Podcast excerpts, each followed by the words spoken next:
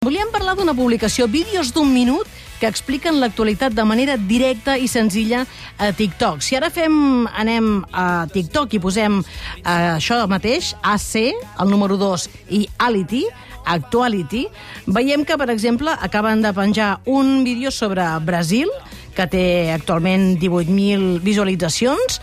Mm, L'anterior parlava de Shakira, que està emprenyada amb Piqué, i l'anterior parlava, per exemple, de Kylie Jenner barrejat també amb l'estema de Brasil. És aquesta barreja. Aquesta és la clau de l'èxit d'Actuality, no? fer aquesta barreja i també fer aquests vídeos de manera directa i senzilla.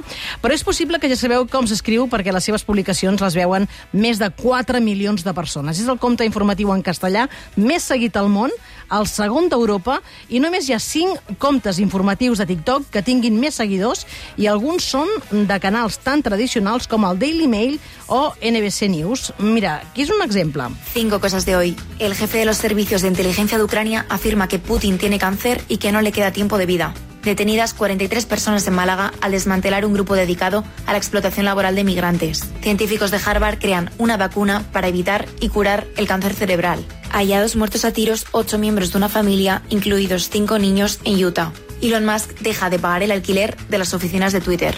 Però també poden fer notícies més elaborades, això sí, en menys d'un minut. Cinco cosas que puede hacer el revolucionario ChatGPT. Aparte de responderte prácticamente a cualquier cosa que le preguntes, también puede recrear un logotipo que ya existe. Y ya lo ha hecho con el de Twitter. Pero lo mejor es que puede crear un logotipo completamente nuevo para tu producto o negocio. Puede crear animación 3D, aunque por ahora necesita un poco de ayuda de un programador.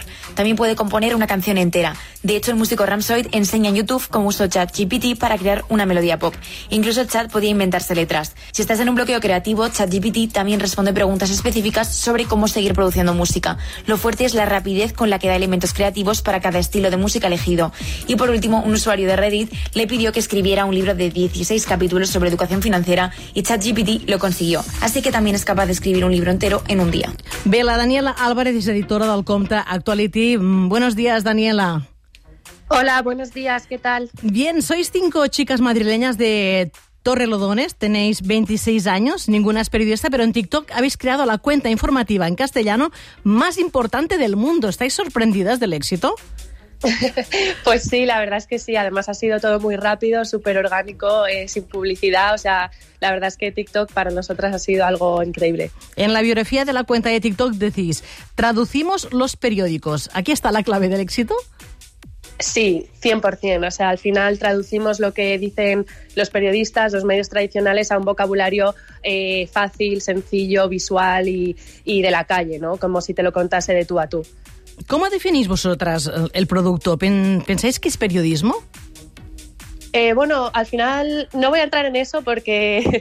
porque Llevas una para- semanita intensa, ¿no? Creo, que- con ese tema. Eh, Es, es un debate intenso. Para mí eh, no es lo que estudias, es a lo que te dedicas. Eh, yo haya estudiado periodismo o no, me considero, no voy a decir ya periodista, comunicadora. Al final comunicamos eh, todas las noticias de los medios tradicionales de una forma que ahora las nuevas generaciones quieren ver. Entonces, fuera de si es periodismo o no es periodismo, el mensaje es que llega.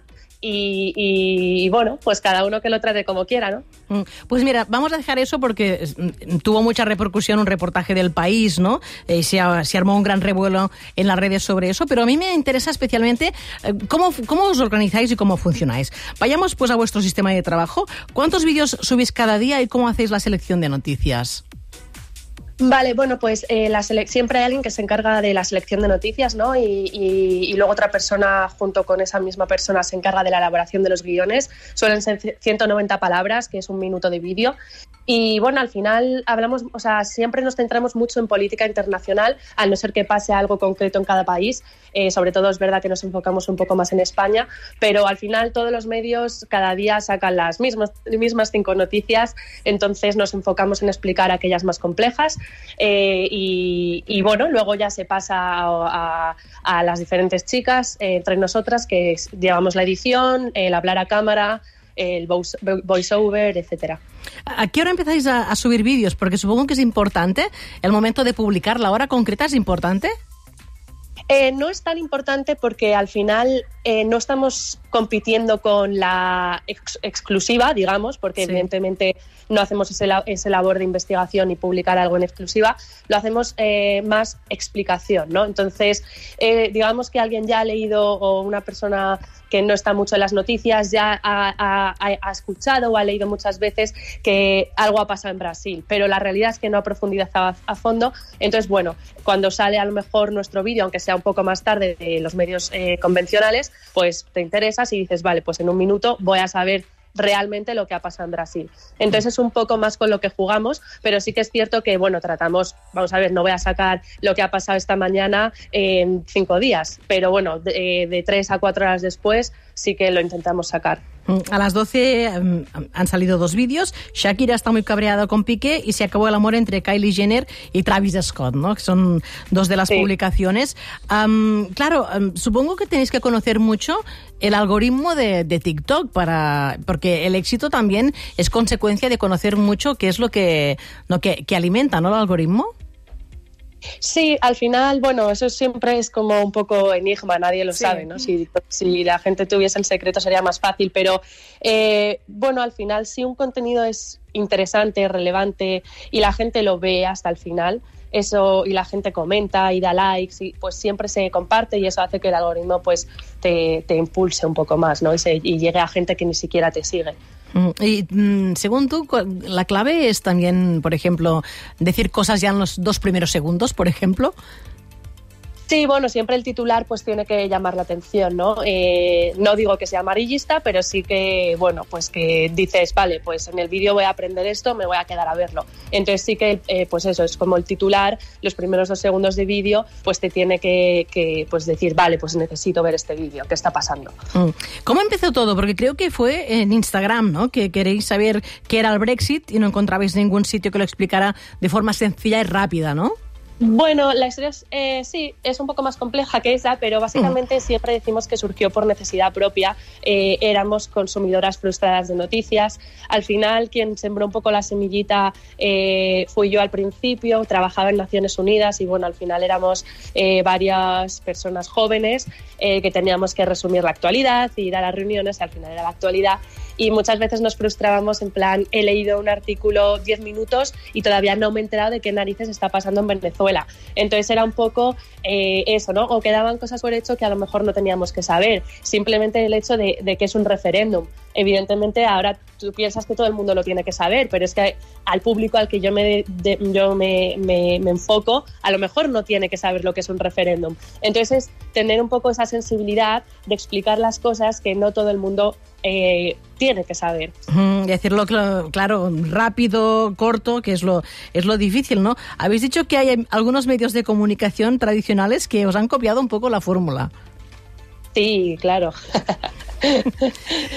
Pero, pero no, la pregunta también es, ah, claro, se necesitan como muy recu- recursos de, de vídeos, de imágenes, todo eso, ¿cómo, cómo lo hacéis, no? Porque en Internet, claro, hay los, también los derechos de autor. ¿Qué hacéis con todo eso? Eh, bueno, hay muchas imágenes que están libres de derechos de autor, luego también hay muchos bancos de imágenes, eh, también están páginas como Europa Press, Reuters, que te, que te proporcionan todo ese tipo de imágenes. Mm, eh, No, no sé si ahora mismo ya os podéis dedicar a eso, o sea, ¿es vuestro trabajo principal? Sí, sí, full time. ¿Desde hace mucho? Mm, Porque ¿cuándo nació la cuenta en TikTok, más o menos?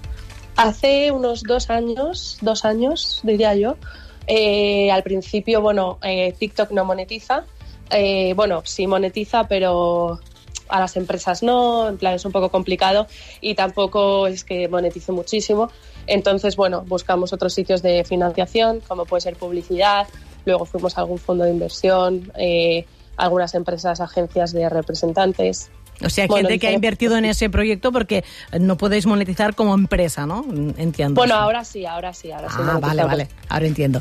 Pues nada, muchísimes gràcies, Daniela Álvarez, editora del compte de TikTok Actuality, que està triomfant moltíssim amb el nou llenguatge, la nova manera de, de comunicar directa, ràpida, i doncs dient coses durant tot el minut. Gràcies, Daniela, una abraçada. Sí, gracias, hasta luego.